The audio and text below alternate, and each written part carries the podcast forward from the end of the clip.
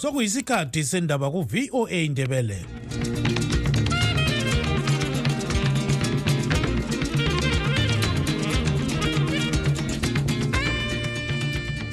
lami ngithathe leli thuba ngibonge u-evans zeninga obesiphake indaba ngolimi lwesishona. Lingalivuka njani izulu kandaba ulamukela emsakazweni westudio 7 ngolwesihlanu mhla ziku-5 zibandlela 2024 nguchris gande. Endabeni zethu lamhlanje abamabhutsha sebeqalile ukufaka umthelo wenyama osokwenze intengo yakhuphuka. Abantu bazakudla ngesobho kuphela baphethe yenyama kube lesobho bashiye imuli kunjalo. Inhlanganiso yamatitshala ezimta ithi ukukhwela kwembadalo yama-school fees kuzabangela ukuthi imfundo iswele isisindo. Indlela esibona ngayo udaba lwama-fees lumbaqambili okwakuqala sikhangelele kusayidi lwezikolo sibona izikolo lazo zidinga ukuthi ngabe ziyaqhuba inhlelo zezikolo.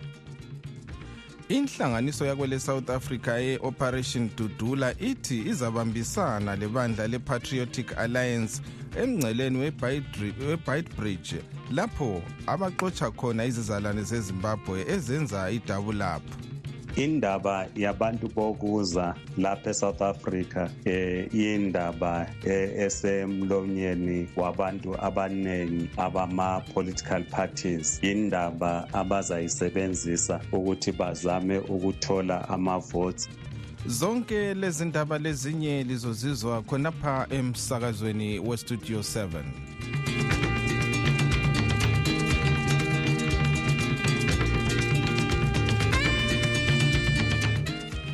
abamabhutsha sebeqalile ukufaka umthelo wenyama osokwenza intengo yayo ikhuphuke. Umphathi ntambo wezemali umnumzana mthuli ncube wazisa nyakenye ukuthi abahlinza inkomo bazabhadala umthelo wevat oyisilinganiso sokulithumi lanhlanu i-15 percent kusukela ekuqaleni komnyaka. Umthelo lo uzafakelwa labathengisa inyama yenkukhu leyengulube kodwa abanye abezilaha bebengakafakeli lumthelo kuyona le iviki lanxa abanye beqale ukuthengisa inyama esifakelwe lumthelo ngolwesithathu. Sixoxe lesikhulumeli senhlanganiso elwela ilungelo labathengi e-consumer council of zimbabwe umnumzana comfort mutshekezi ku-tax ye-government kwafakwa i-fifteen percent. And um kukhanya ama-meat suppliers ama-producers like i-texas yakhe yaphuma egcekeni ukuthi i-fifteen percent leyi iyayiphusha on ama-consumer abhadale i-fifteen percent leyi inyama isidulo kunganani njengoba abantu bebevele bekhala ukuthi iyadula? Nxa sokufakelwa i-fifteen percent iyabe isinganani i-kg yabe isitholakala emalini? Um i-kg yenyama um abantu babengayenelisi ukuyithenga inyama yayidura. Abantu babethenga khonoko ukuthi like a basic need but bethenga in protest. Ukuthi asila choice inyama siyayifuna but intengo yakhona ayisayenzi. Um lathi sibakhuthaza um thenganini yama-basic thenganini minimum yokuthi liphile but natural abantu babengafuni khonokho. Abantu bayafuna ukuthi bathenge bade basuthe ukutshengisela ukuthi bakhululekile. But ngenxa ye-fifty percent lesifakwa ngama-retailers layo seyengezelela laphana babekhala khona sokuba more ukukhala kwakhona. Ama-quantities ama-consumers babeyafoda ukuthenga sokutshengisela ukuthi azayehla. Abantu bazakudla ngesobho kuphela baphethe yenyama kube lesobho bashiye imuli kunjalo manje ezinye inyama ezifana leyenkukhu lepork zona zinjani intengo yangikhona? Inkukhu i think on average lapha yayisiba ku-around three dollars a kg four dollars a kg but singathi inkukhu yale-average ye-three dollars a kg abantu lababeyithenga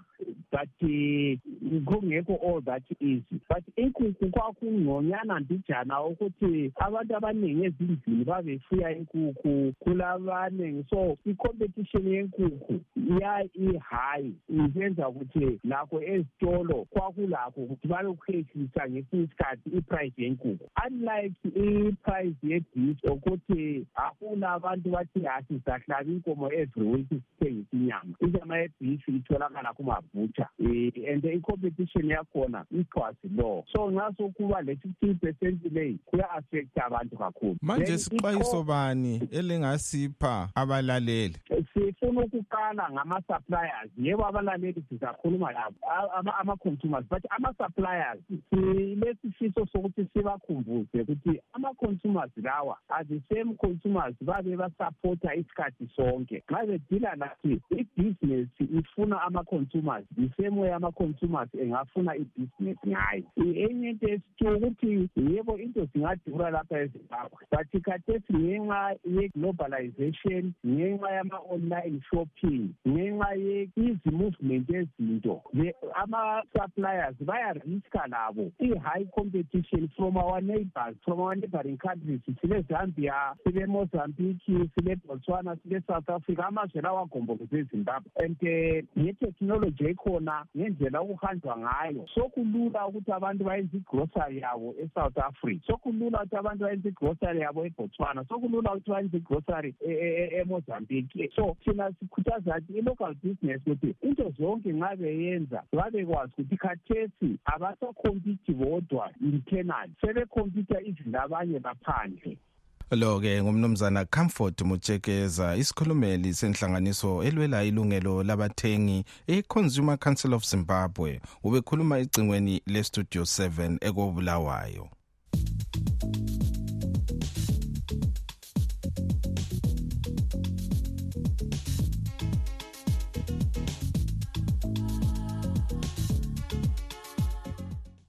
Inhlanganiso yamatitshala eyezimta ithi ukukhwela kwembadalo yama-school fees kuzabangela ukuthi imfundo iswele isisindo.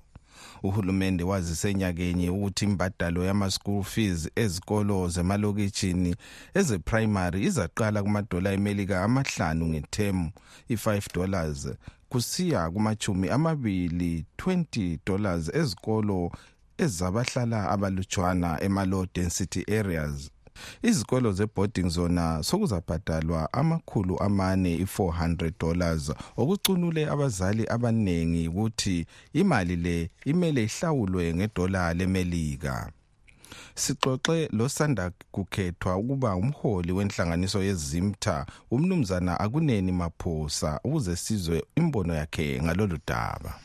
Ye indlela esibona ngayo udaba lama-fees lumbaqambili okwakuqala sikhangelele kusayidi lezikolo sibona izikolo nazo zidinga ukuthi ngabe ziyaqhuba inhlelo zezikolo zibe lakho ukuthi ziphumelelise ama-development project akhona esikolo. Kodwa bese sikhangela ilevel yama-fees sibone ngani aphezulu kakhulu ikakhulu nxa kukhangelwe umnotho welizwe lethu lezimbabwe ikakhulu kusiya kumali eziholwa yizisebenzi. Imajority engama-civil servants angababalisi um iholo abaliholayo alibayenzi baphumelele kumbe benelise ukuthi babhadale ama-level of fees akhona lala esiwazwa kuma-market ikakhulu kuma-boarding schools etho i-fees iya kuma-five hundred six hundred. Abaqalisayo kubo-form one kuma-boarding schools kwamanye baya kuma-one thousand one thousand something. Yimali enkulu kakhulu yimali ephezu komholo kambalisi yimali ephezu komholo kageneral civil servant okungangokuthi kungaphambanisa eh ukuthi abantwana babuyele ezikolo. Eh ikakhulu siyabe sithanda ukuthi sikhuthaze uhulumende ukuthi ngabe nxa izikolo zithatha ama-fees angangana lawa esiwazwayo akhona kumarket kube ngangani le miholo yezisebenzi kakhulu ama-civil service ababalisi layo iyakhuphuka ihambe kuma-p d l levels um ukuze benelise ukuthi babhadale ama-fees lawa akhona. Manje nxa sesikhangela lona udaba lwababalisi amatitshala sizwa behlala bekhala ukuthi hayi imali incane kakhulu. Manje lo umnyaka likhangelele ukuthi kwenziweni ukuze bengakhononi kakhulu ababalisi. Ye ngiyabonga umbuzo. Esikukhangelele kakhulu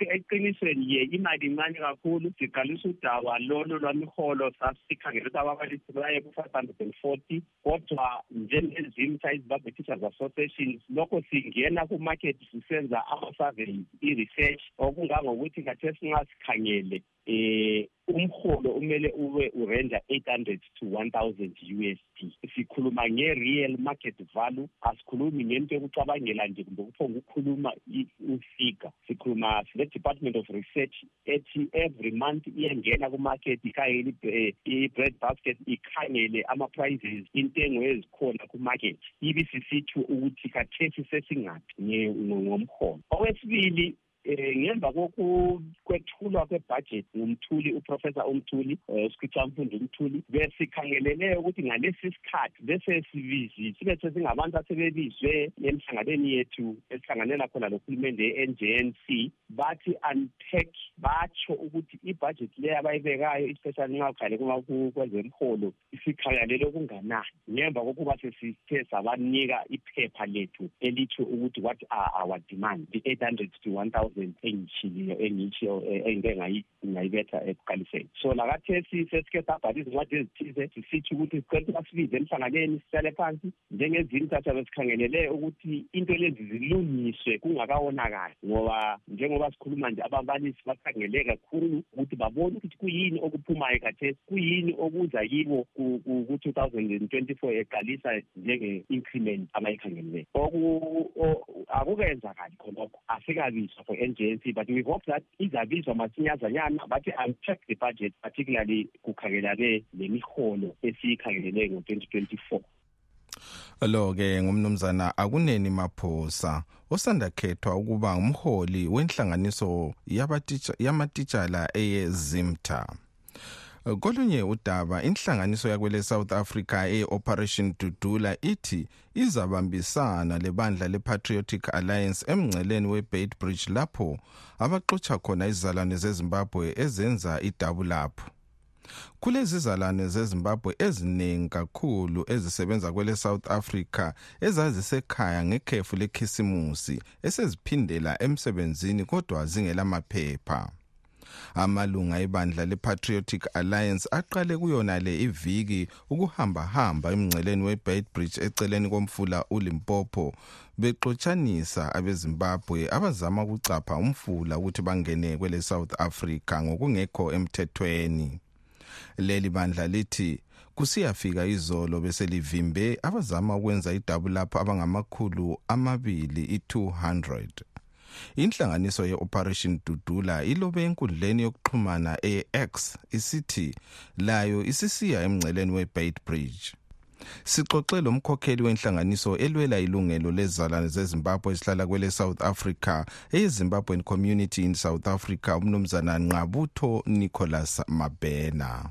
Eh sibone amalunga ebandla elizibiza lithi Patriotic Alliance elisemngcelweni weborder eh ku eside le South Africa. Eh kukhanya baphethe imbhobho eh bathi bona bavimba abantu abeqa ibhodo ngekho emthethweni abantu abachaphe emfuleni. Amavideo esiwabonayo lesikubona ku mabona kuthi TV eh sibona bephendukisa abantu abathi bona abantu labo bangene emfuleni kabahambanga ngendlela okumele bahambe ngayo. Yeah khona okwenzakalayo lokhu ubona ungani kungaba kubangelwa na ukuthi sokuzaba lokhetho khona ngapho kwele South Africa? Indaba yabantu bokuza lapha eSouth Africa eh indaba esemlonyeni wabantu abanengi abama political parties. Indaba abazayisebenzisa ukuthi bazame ukuthola ama votes lokho bakuthathela kuDonald Trump abambona enqoba ekhethweni lweMelika eqala ukuba ngumongameli esebenzise udaba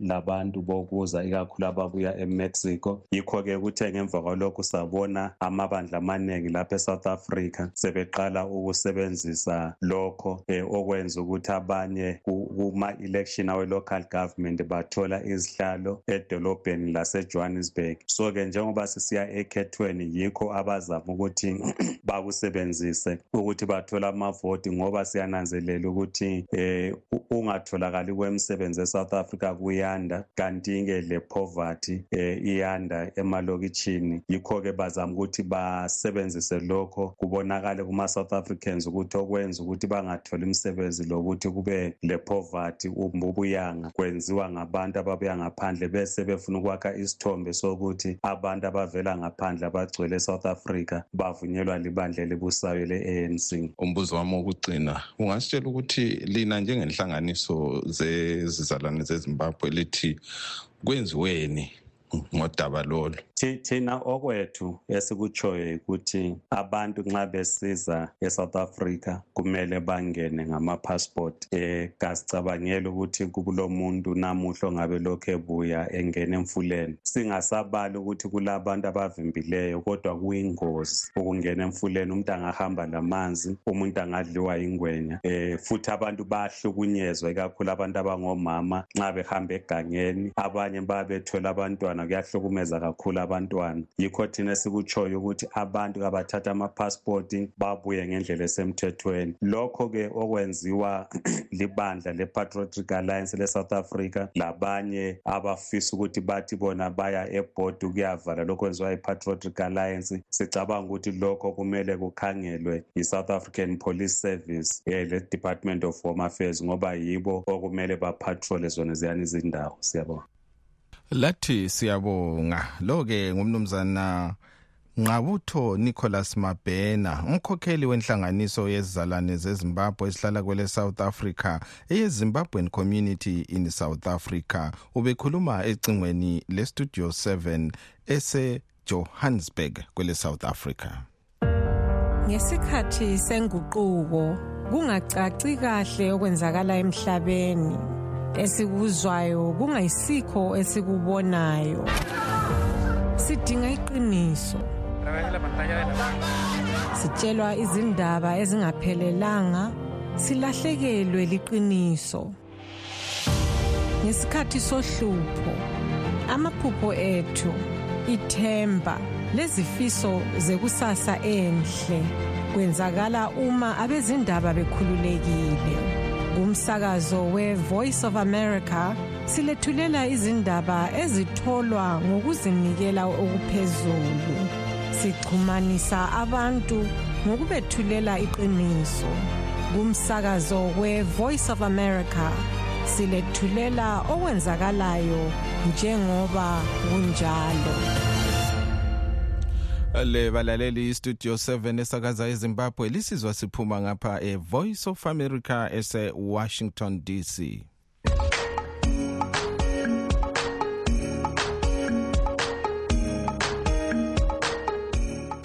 okwamanje sengidedela emuva ngilichiya ezandleni zenu lina balaleli bethu. Kumbiko elisithumele nge-whatsapp. Hayi siyalicela bantu bezanu p f ake lizame ukusihlonipha madoda. Bogawule labojoseph chumba labomalaki inkomo linethi ilizwe liright. Ake lizame ukusihlonipha madoda. Yekelani ukutshontsha inkomo zethu. Yekelani ukutshontsha inkomo zabantu. Yekelani ukuphila ngamandla abanye abantu. Abantu basebenza nzima madoda. Ake lizame ukuhlonipha. Loba lo mnankagalo lo elinikeza igunya ukuthi litshontshe kodwa kuzaliphelela ngelinye ilanga. Kuzaliphelela. Ayikho eyandize emoyeni ingahlali phansi kuzaliphelela madoda zamani ukuthi lihloniphe into zabantu. Litshontshile libulele ilizwe kodwa stili lokho lisaqhubeka lisayenza ububi. Libulala abantu kanti lizokhawula ngani? Lizokhawula sekwenze njani? Lizohlonipha abantu nini? Umhlaba wonke ngamagrupu obusela benkomo all over abantu bonke bayakhala ngani? Linabantu bezanup f umhlaba wonke abantu bakhala ngani madoda? Seligugile lingamakhehla alisela amazinyo manje lisatshontshhelani and ipolitics kaliyazi phela lina. Likhontrolwa izisu lilambile lina bantu li that's why litshontsha inkomo zethu so vumani ukuthi ilizwe lezimbabwe lifile. Ilizwe umnankago libulele ilizwe zanup f libulele lina lithi ilizwe liright ngoba litshontsha inkomo zabantu. Liphila ngamandla abanye abantu. Waye lingavumi ukuthi ilizwe libulele khona lizophila ngamandla abantu kuze kube nini? Lizophila ngenyembezi zabantu kuze kube nini? Lizobulala abantu kuze kube nini? Ilizwe lifile libolile nantiya akula ntshintsho kodwa lina litshontsha suku zonke. Litshontshela abantu everyday libulala abantu suku zonke. Studio seven happy happy new year happy happy. Ngigama ngubanele ndlovu ngihlala ebhinga echinonge ngithanda ukulibingelela lonke abestudio seven sesingenile eminyakeni omutsha. Happy ngithanda ukubingelela nabazali bami khonale chinongi. Ubaba umagamula lomama maphosi ngisithi happy new year konke happy happy new year sesingenile ku-twenty twenty-four. Ye sibingelele emsakazweni kastudio seven sibingelele. Ye hayi sithi lingene njalo eminyakeni omutsha abasakazi bethu bakastudio seven. Hayi thina sizingenele kahle eminyakeni omutsha. Sithi liyibambe injalo lisethulela indaba ezingathathi ihlangothi ezestudio seven. Ye hayi indaba yegugurawundi leyi yindaba ehlupha kakhulu but masikhangela thina abanye sibone ngani uhulumende lo khona akazimiselanga ukululungisa lolu daba lwegugurawundi ma ezathi ulungisa into kodwa evalele intatha zindaba phandle. Angithi ngesikhathi kubulawa abantu kwavalwa intatha zindaba phandle ngoba uhulumende wayiganga lapho ebulala abantu bengelacala. Khathesi lakho sefuna ukwenza same story senesana wasenza ngigugurawundi ukuthi uzavalela intatha ezindaba phandle kukhulunywe izinduna zakhe um sezihamba ziyemripotela kuye khonangala hhayi ayisebenzi njalo. Thina sithi intatha ezindaba kazivunyelwe zizothapha into yonke eyenzakalayo. Ye njalo abantu bematebhele thina umthobanhliziyo wethu ukuthi sithathe umthwakazi wethu finish. Okuningi asisakudingi lokhu sesifuna ukuthi imathebhelendi sizibuse thina singabantu basematebheleleni ngoba sikhathile ukubuswa ngomnankakho lokhu kubusa umhlobo wani kokubhoda khona ngale harare hhayi sikhathile nesabantu basematebheleleni siyabonga. Um sanibona studio seven sanibona studio seven. Mthokazi omuhle. Bantu bezwe lakithi mathebelele ndinonke ngithi sanibonani ngiyalithanda nonke. Ngikhuluma nomehlweni se-south africa lana. Yinzalo yasezimbabwe. Uyazi ngiyajabula ma ngabe kuvuka izapho isima ngenyawo imela mandebele. Kunini isicindezelo? Kunini isicindezelo? Le nto bayishaya indiva okwenza bengafuni imedia lapho omnangagwe iy'nduna lezo nazo ezivumela nje iphutha amanyala angaka besiphethe omshana abantu esibathembile. Esibathembile abantu esifika kibo amacala bevuma ukubrayibha. Amanyala le abayenzayo yabona ma kuvuka izapho ngithi halala siyayisapota kunini isicindezelo? Kwenzakalani kahle hle ngalizano phefu asizondi izano phefu sizonda lo mbuso onguyo usukhona abantu abawuphetheyo izano phefu ibisapota umhlaba isapota imali ingasapota umhlaba unkomo wathi ufuna umhlaba. Unkomo uthe eshona washo wathi izwe leli liyobuswa zinyoni ma ngabe sihambe yikhona lokhu okwenzakala ngoba siyacindezela ngiyabonga studio seven bingelela abangani bami bokenkulu elabo esigabeni sakithi entobe ngithi sanibona nabazali bami ngithi sanibona niyaphila. Iphila unkulunkulu aligcine enyakeni omusha. Amen. Molweni molweni kustudio seven. Mandibulise kubasasazi kunye nabaphulaphuli. Ndithi u-2024 ozalisekileyo amathamsanqa kuni nonke. Ndithi enkosi ndiphilile mna khondo. Ndibulela ukungena kulo umsasazo ndithi inkosi enomusa mayinigcine ngokusethulela indaba ezimandi kanje. Enkosi obulisayo nguzolisani phungani etranskay ngiyalibingelela lonke basakazi bestudio seven. Mina ngingumuntu osuke ebhinga ngithi hhayi siyakala lapha ebhinga. Sagitshelwa u-mp wethu u-mp wabantu u-mp wethu u-pd sibanda ngu-mp wabantu. So siyakala. I-zanup f ayisenzeli kuhle siyakala ngapha bazali salibonani salibonani kustudio seven linjani basakazi labalalele um msakazi ngicelani lilike lingikhuzele lundoda lo kuthiwa ngujoseph bokuthiwa ngujoseph chuma bokuthiwa ngubani logawula wakhe uthi kambe abantu nxa bevotela i-opposition emathebheleleni kokwenza kungabi lentutuko kanti akutsho msakazi i-mdc vele yangena nini ayiqalanga ukungena ngo-2000 ungabheka ungabheka ukuthi since 1980s ma kuyithatha independence up to 2000 how many years aso 20 years akuzange kwaba le ntuthuko emathebheleland since izimbabwe yathola independence. So akumbuzela ugawula ukuthi asiyo izanu izanu ama-mp ezanu ayekhona ehluleka ukudevelopha alo muntu lo kusiya ngami aluba alesam interview aluba lechiyana laye. Ngiyabonga. Salibonani ngiyabingelela kustudio seven. Linjani? Basakazi labalaleli sesingena eminyakeni omutsha. Siyabonga unkulunkulu. Ah abantu bezimbabwe siyahlupheka okumangalisayo angazi ukuthi singenza njani kodwa-ke hhayi abantu bezani singabalaleli. Libayekeleni banjalo ngoba bona bayasutha bayadla bayasutha. So thina yithe sihluphekayo ngapha emathebeleni nje sithwele nzima asisakwazi lokuthi singenzani asizameni ukuthi sicele lo mdali wethu asincedise ngoba konke lokhu kuzaphela lokhu unkulunkulu uzakuqeda one day is one day ngiyabonga sihlobo zami be blessed studio seven studio seven njani basazi abahle themba lingenela ku-twenty twenty-four siyabonga kakhulu um eyayi ibuhlungu kakhulu le ndaba especially ama-passport ngoba ama-passport kuyathi hundred and fifty ma usufika ngayo sokuthi hundred and ninety. Into engiyibona isenzeka laphana ukuthi asihlonitshe thina abantu besindebeleni ngoba khonapho abantu abathi hundred and ninety ngamashona ngeke uzithole umndebele. Ngamashona bona abenza kanjani? Abasicindezela laphana esindebeleni bese ngizibuza abantu abanjengabomalakhi abesindebeleni abayibona futhi abasicindezela kakhulu. Babhizi bathi ezimbabwe kunomsebenzi. Angazi ukuthi umsebenzi oshiwo ngumalakhi or kusebenza abantwa babo or kusebenza obani? Asazi. Esindebeleni laphana sihlonishwa laphana. Asihlonishwa mpela amashona azenzela. Angeke ukuthi ma ufika lapha kuthi hundred and fifty after that bese kuthi hundred and ninety passport because bayakwazi ukuthi abala bantwana lapha umnankakho labantu bakhe cela ukuthi beke besihloniphe lapha ezimbabwe. Abasihloniphi namandebele? Angazi ukuthi basibona kabanjani. One basibulala saqedwa yiyo naleyo futhi izanu p f. Namanje lokho bebhizi behamba nge-aparatet yabo yale abayenzayo sanibonani kwistudio seven. Sanibonani kwistudio seven. Okhuluma kubig bwidubeko enkayi kwesikhobokhobo kanti mina ngizwe ujoseph chuma ephikisa um ubaba unkomo ukuthi emandebeleni kuya ngokuthi kuvotelwe liphi ibandla abantu bavotela ibandla eliphikisayo iqonga lantuthu bese ngibuza ukuthi kathi njengoba kwezinye indawo vele especially kithi enkatho um u-mp wethu ngowe-zanup f usithembiso nyoni kodwa manje akulamgwaqo osuka kobulawayo senkaya akulazibhedlela akulazikolo akulamabhriji akula. So uyikuthi okuyikho vele okufunakalayo ezimbabwe kuyini mina ndidinga ngiswele? Nxa ubaba esithi kuya ngokuthi livotele liphi ibandla wesi labo abalapho kulebandla elibusayo khona emandebeleni wayi kungalantuthuko intuthuko isiba khona emashoneni kuphela? Angitsho ukuthi ngiyabandlulula kodwa sengikhuluma ngokuthi wayi intuthuko ingancane elizweni? Kubangwa yikuyini lokho? Kumbe ngasiphendula lapho. Hey studio seven studio seven ngabe linjani kodwa? Kwizindawo zonke sithi unyaka omusha nonke sinifisela unyaka omusha omuhle futhi.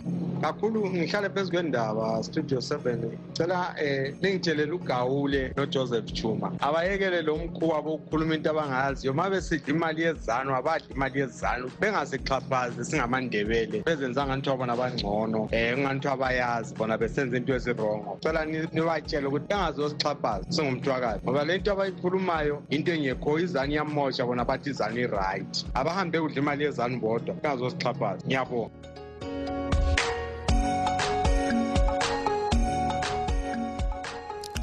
Labo ke ha bekungabalaleli bethu lina ke abalaleli bethu elisithumele imlayezo yenu kunombolo zethu ezithi plus 1 udaba olulandelayo luveza imbono kahulumende welemelika.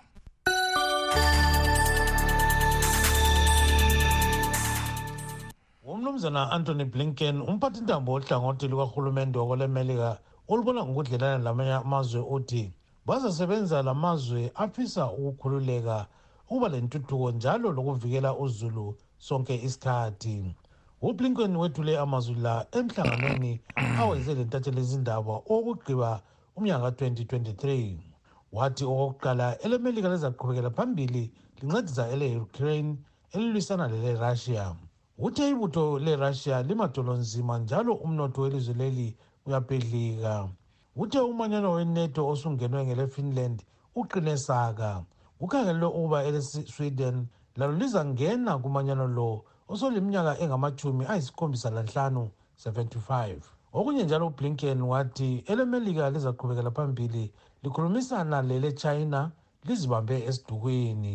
Okwesithathu ublinken uthe elemelika lizimisele ukusebenzela konke okuzanceda uzulu elizweni leli lawamanye amazwe. Uthe lokhu yikho abakwenza ngomnyaka ka-2023 kwezamabhizimusi ekuncediseni inhlanganiso ezizimeleyo. Amakhampani amakhulu lamancane kwezokudla ezomvikela okuhambelana leze-artificial intelligence ukuthathwa kwezidakamizwa ukuvimba ohulumende abephula ilungelo loluntu lokunye. Mayelana lempi ephakathi kwele-israyeli lehamas ublinken wathi bazancedisa ele-israyeli ukuba kungayenzakali njalo owehlela ilizwe leli mhla ka-7 mfumfu ngomnyaka ka-2023 uthe bazancedisa ele-israyeli ukuba kungenzakali konke lokhu njalo kungabulawa abantu mahlayana kukhululwe abathunjwa ihamas uthe elemelika lizasebenza lidlelana labo bonke emhlabeni wonke jikelele ngomnyaka ka-2024 ikakhulu labo abafisa ukuba lengqwela phambili. Lawo-ke bekungamazwi aveza imbono kahulumende welemelika esiphethela-ke uhlelo lwethu lwalamhlanje olifisela impelasonto elithukela ngesithi asidibaneni njalo ngeviki ezayo. Sikhathi sinye lingakhohlwa-ke ukuthi silazo ezakusihlwa ntambama nsuku zonke ngo-half past 7 igama nguchris gande